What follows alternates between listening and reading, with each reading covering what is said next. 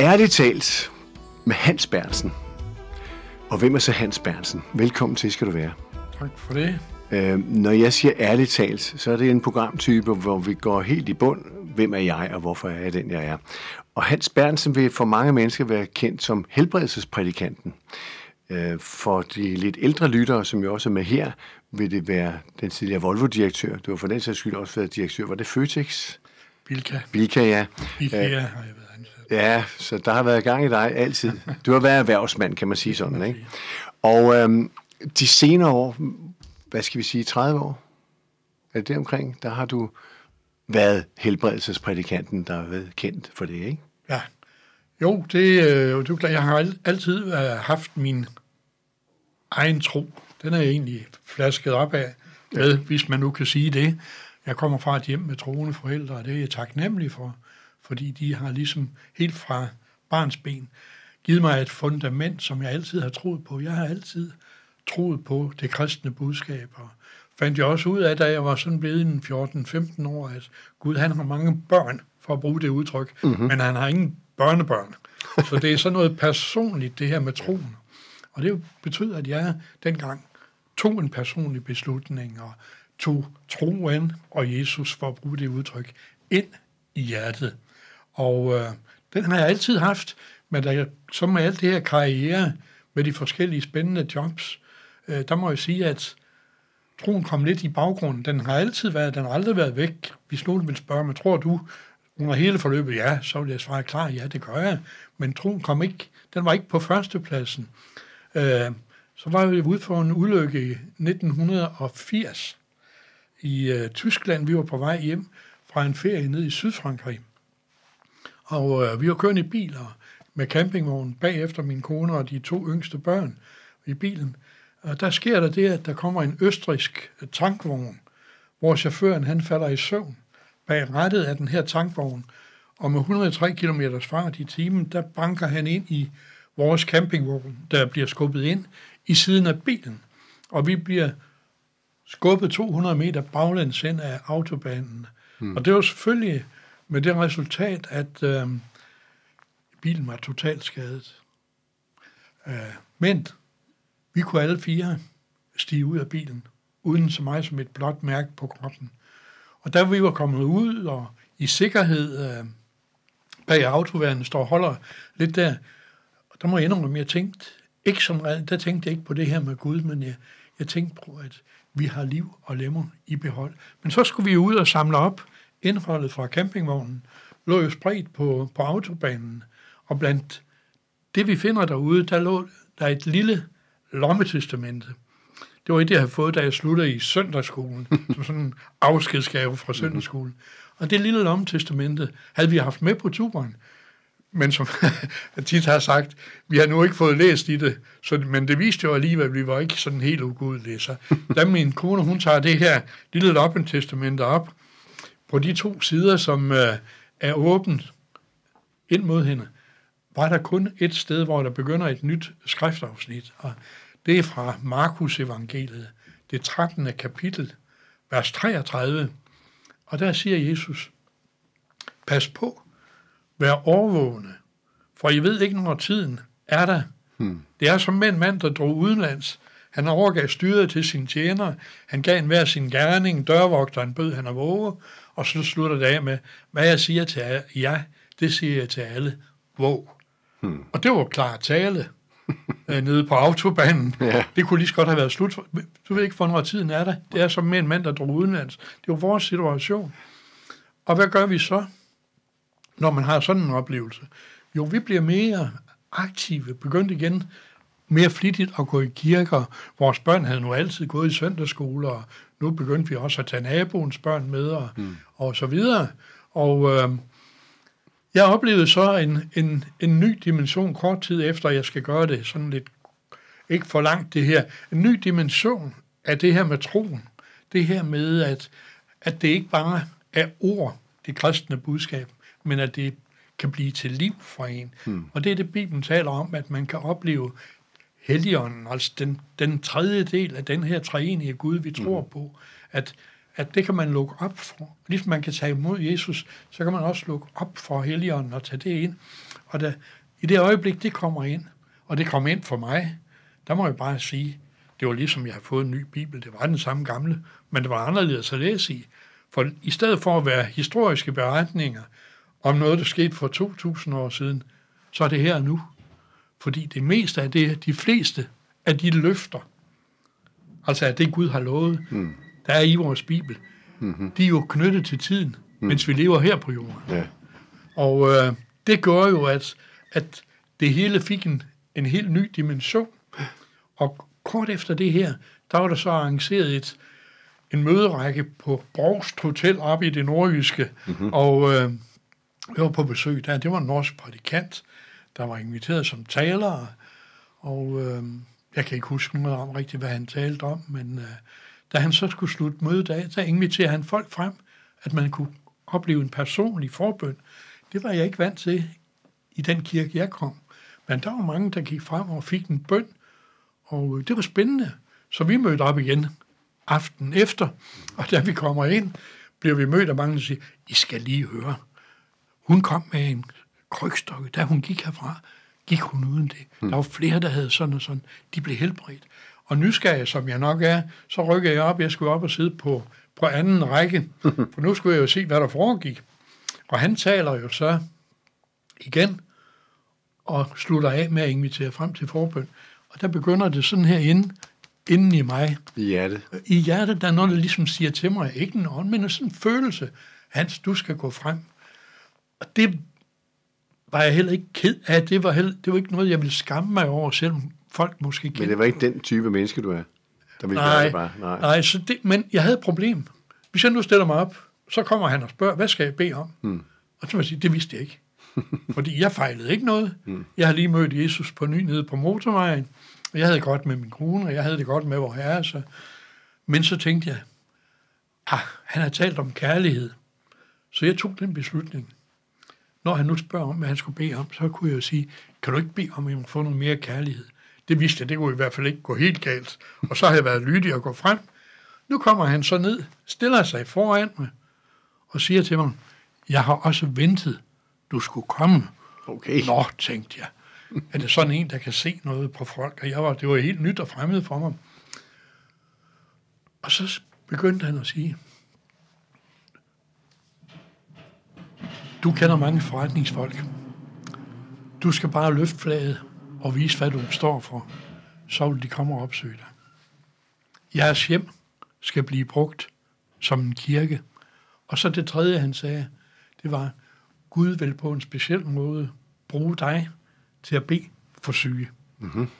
Hvad var det, han sagde? Du kender mange forretningsfolk. Ja, jeg er erhvervsleder. Mm. Jeg har siden bedt for hundredvis af forretningsfolk. Jeres hjem skal blive brugt som en kirke. Jeg har døbt 170 hjemme i, i swimmingpoolen. Hmm. Og så det sidste, det der med at bede for, for syge. Det satte sig herinde i, i hjertet på mig, fordi når jeg læser i Bibelen, så er det jo faktisk det, Bibelen er meget fyldt af. Det var ikke så meget de her lange taler. Nej, det var enkelte mennesker, der havde brug for hjælp. Korte statements. De fik hjælp. Ja. Ikke? Så jeg lavede sådan set en aftale med Jesus, øh, og det er ikke nogen skriftlig aftale, men det var en mundtlig aftale. Og jeg siger til Jesus, hvis du sender nogen på min vej, som på en speciel måde fortæller mig, at de har et eller andet behov, fysisk eller psykisk, så vil jeg sige til dem, det du fortæller mig, er det noget, du ønsker at komme af med? Og hvis de svarer ja til det, og det gør alle jo, øh, så vil jeg tilbyde dem, så, så vil jeg sige til dem, jeg vil gerne bede en bøn for dig. Og jeg kan sige dig, efter så mange år, jeg tror ikke, der er fem personer, der har sagt nej hmm. til det tilbud. Hmm. Det var det, det startede med, Georg, det her med at bede for mennesker. Ja. Og Gud, han var jo trofast. Han, han viste jo, at tingene, de skete. Ja. Og øh, det var det, som så er det måske det, jeg er blevet kendt for i dag, og, og, og det vil jeg også hellere være kendt for, det her med Gud og, og, og troen, ja. end det her med bilerne og de andre ting. Så, og for øvrigt fik jeg jo lov til at være med i det her meget populære tv-program, der hed Elevatoren, helt tilbage i 91, hvor jeg fik lov til at bede for tre mennesker i, i direkte på, på, på, på udsendelsen. Ja, ikke? Ja. Og jeg fik også lov til at bede en bøn for alle seerne derhjemme. Og så var det jo delt op, det her program, i to afdelinger. Først en indledning, så skulle der være en pause, så anden afdeling. Og da jeg var færdig med at bede, så skulle der være pause. Og i det øjeblik, der bliver pause, der bliver det telefonstorm på TV2. Hmm. Det hele brød sammen.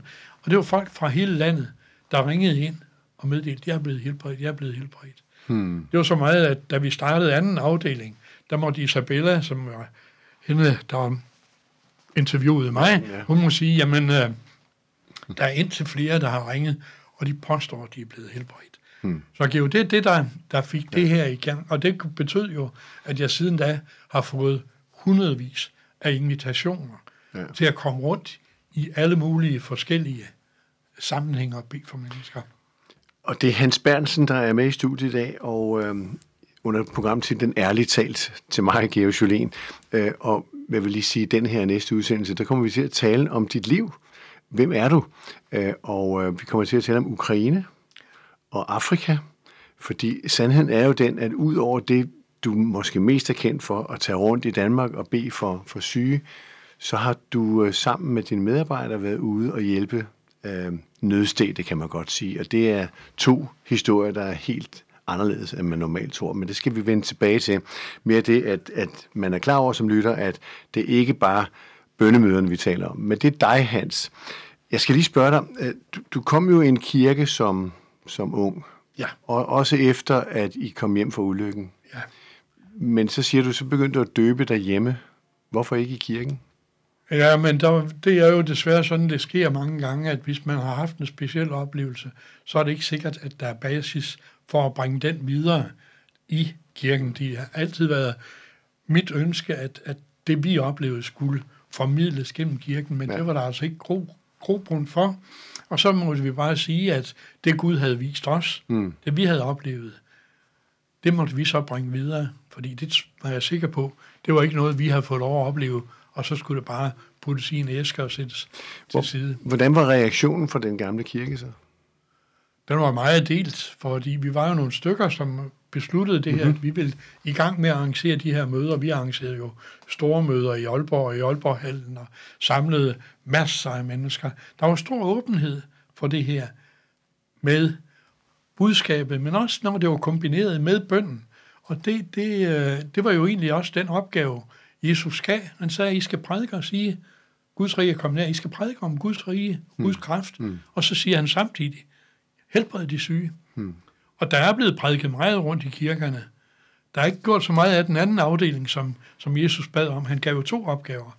Og øh, hvis man læser, jeg ved godt, mange kritiserede mig, specielt dengang, for at er der nu ikke for meget fokus på helbredelserne, så må jeg bare sige, ved hvad, kære venner, prøv at læse det nye testament. så skal I se. Er der, er en, der er en, der har meget mere fokus på helbredelse, nemlig Jesus selv. Ja. Og uh, det var han optaget af. Og jeg tror også, det, det var jo det, der gjorde, at mennesker flokkedes omkring Jesus. Hvis man læser beretningen, der står jo altid, skarene flokkedes omkring ham. Hmm. Selv når han var ude i ørkenen, og det skal man ikke gå ud i midt på dagen, hmm. der er det ikke rart at være. Men skarene flokkedes omkring Jesus. Hvorfor gjorde de det? Tror du, det var for at høre en god prædiken? Han sagde mange gode ting, men helt ærligt, jeg tror, de vidste, der hvor han er, der er der en kraft, en forvandling. der forvandler ja, mennesker. Ja. Øhm, for et stykke tid siden hørte jeg, eller så jeg rent faktisk, en gudstjeneste fra, på DR1, fra en jysk kirke, hvor det var en kvindelig prædikant, som for første gang sagde, ja, vi taler jo ikke meget om heligånden her i Folkekirken, det vil jeg gøre i dag. Øhm, er det også din opfattelse, at der er ligesom nogle lukkede ting, altså satan og helligånd og sådan Det rører man ikke så meget ved.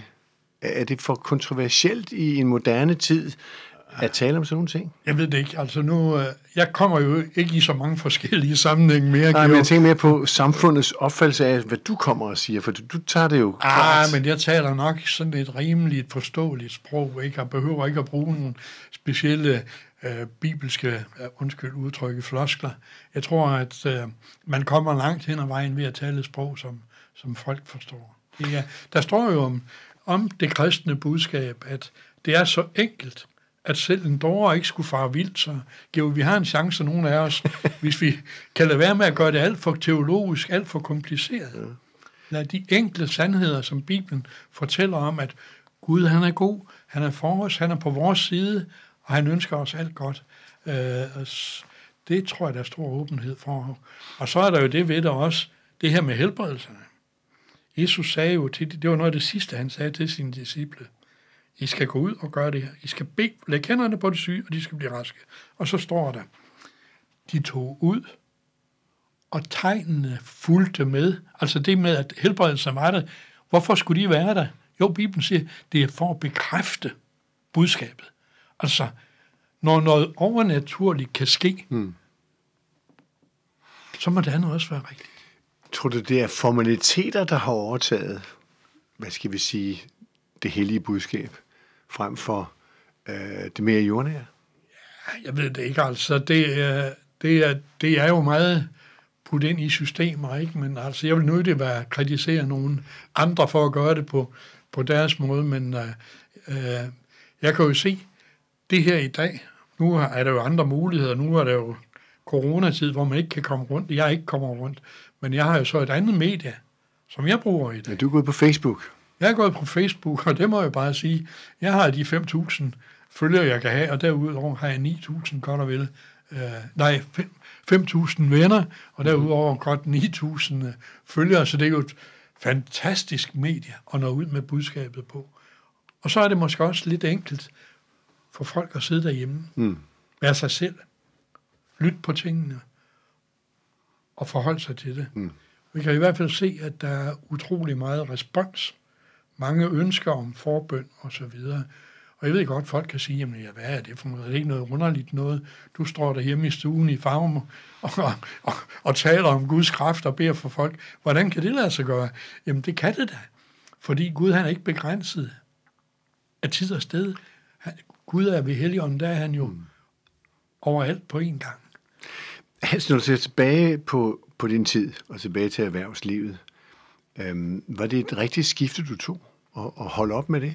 Nej, det ved jeg, ja, det var det, men det var ikke et, et valg, jeg tog i og for sig, fordi jeg var 59 år dengang, og der havde jeg, på det tidspunkt var jeg direktør for otte Volvo lastvognsforretninger. Mm-hmm. Og det blev sådan en ændring i strukturen i Danmark, at Volvo selv ville eje lastvognsforretninger. Mm-hmm.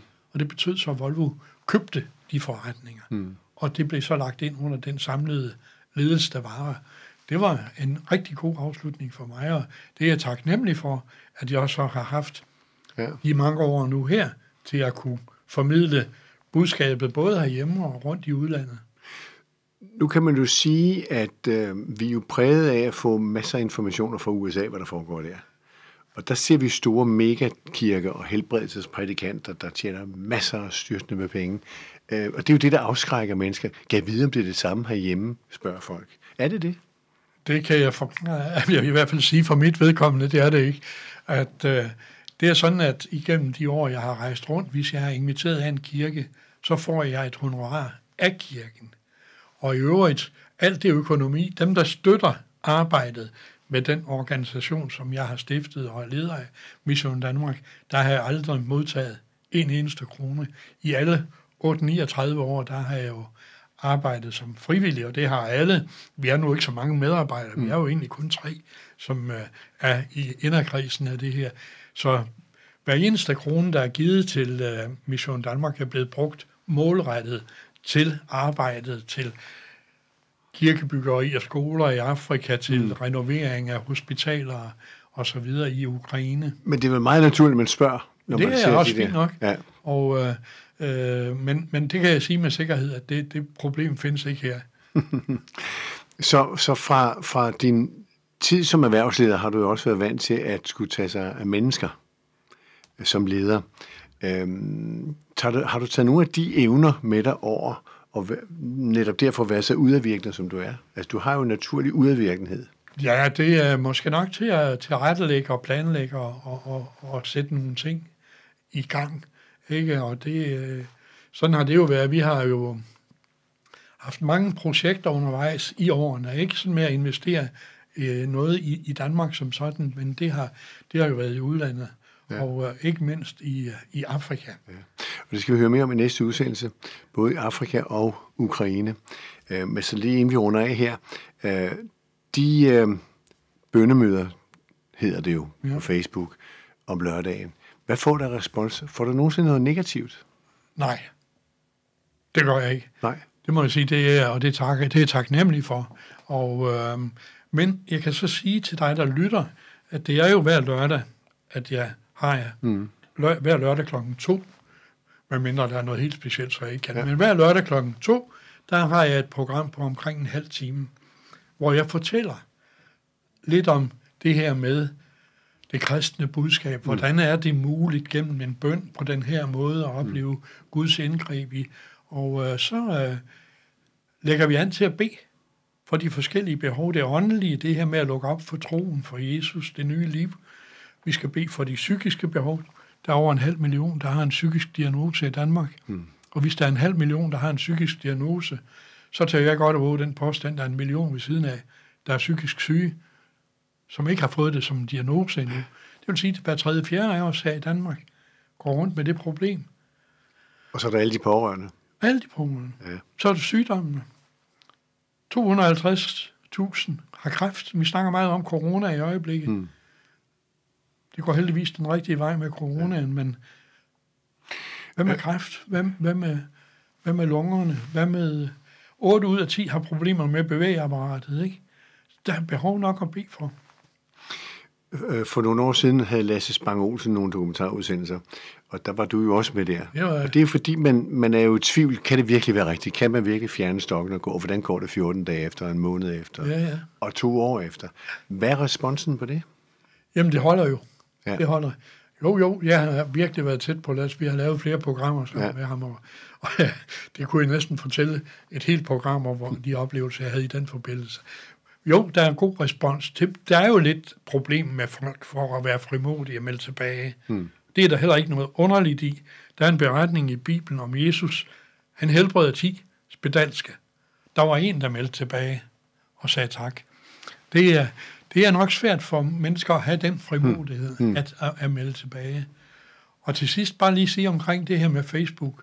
Jeg håber, det er okay at sige, at jeg kan desværre ikke have flere som Facebook-venner, men jeg har jo mulighed for at have et ubegrænset antal som følger, og man kan bare gå ind og søge på Facebook på mit navn, Hans mm. Bernsen, og så vil man kunne komme ind og være følger, og dermed også ikke alene se øh, og være med i programmer om lørdagen, men se hundredvis af videoklip, ja. hvor jeg beder for mennesker, som spontant giver udtryk for, at her er der sket noget.